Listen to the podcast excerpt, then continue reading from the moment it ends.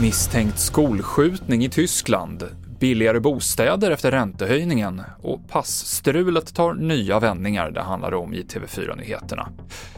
Vi börjar med att berätta att en person har blivit skadad efter att det avlossats skott på ett gymnasium i Bremerhaven i norra Tyskland. En misstänkt gärningsman är gripen och förhörs av polisen, rapporterar Nord24. Fortsätter med nya problem hos tillverkaren som drabbar alla som behöver nytt pass. Teknikstrul får polisen att gå ut och varna för förlängda väntetider och det är utöver de stora problem som finns i flera regioner med att överhuvudtaget få en tid för att ansöka om pass.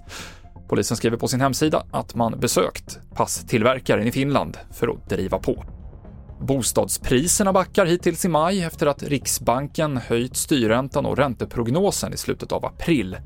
Samtidigt så har lägenhetsutbudet på hemsidan Hemnet ökat till en rekordnivå när säljare verkar vilja få ut sina objekt snabbt.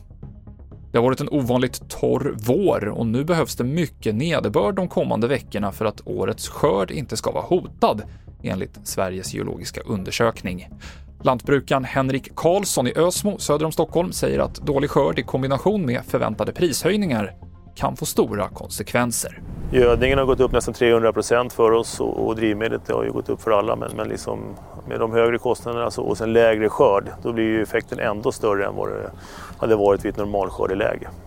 Och det drabbar ju konsumenten eller kunden i, som köper. Sa lantbrukaren Henrik Karlsson.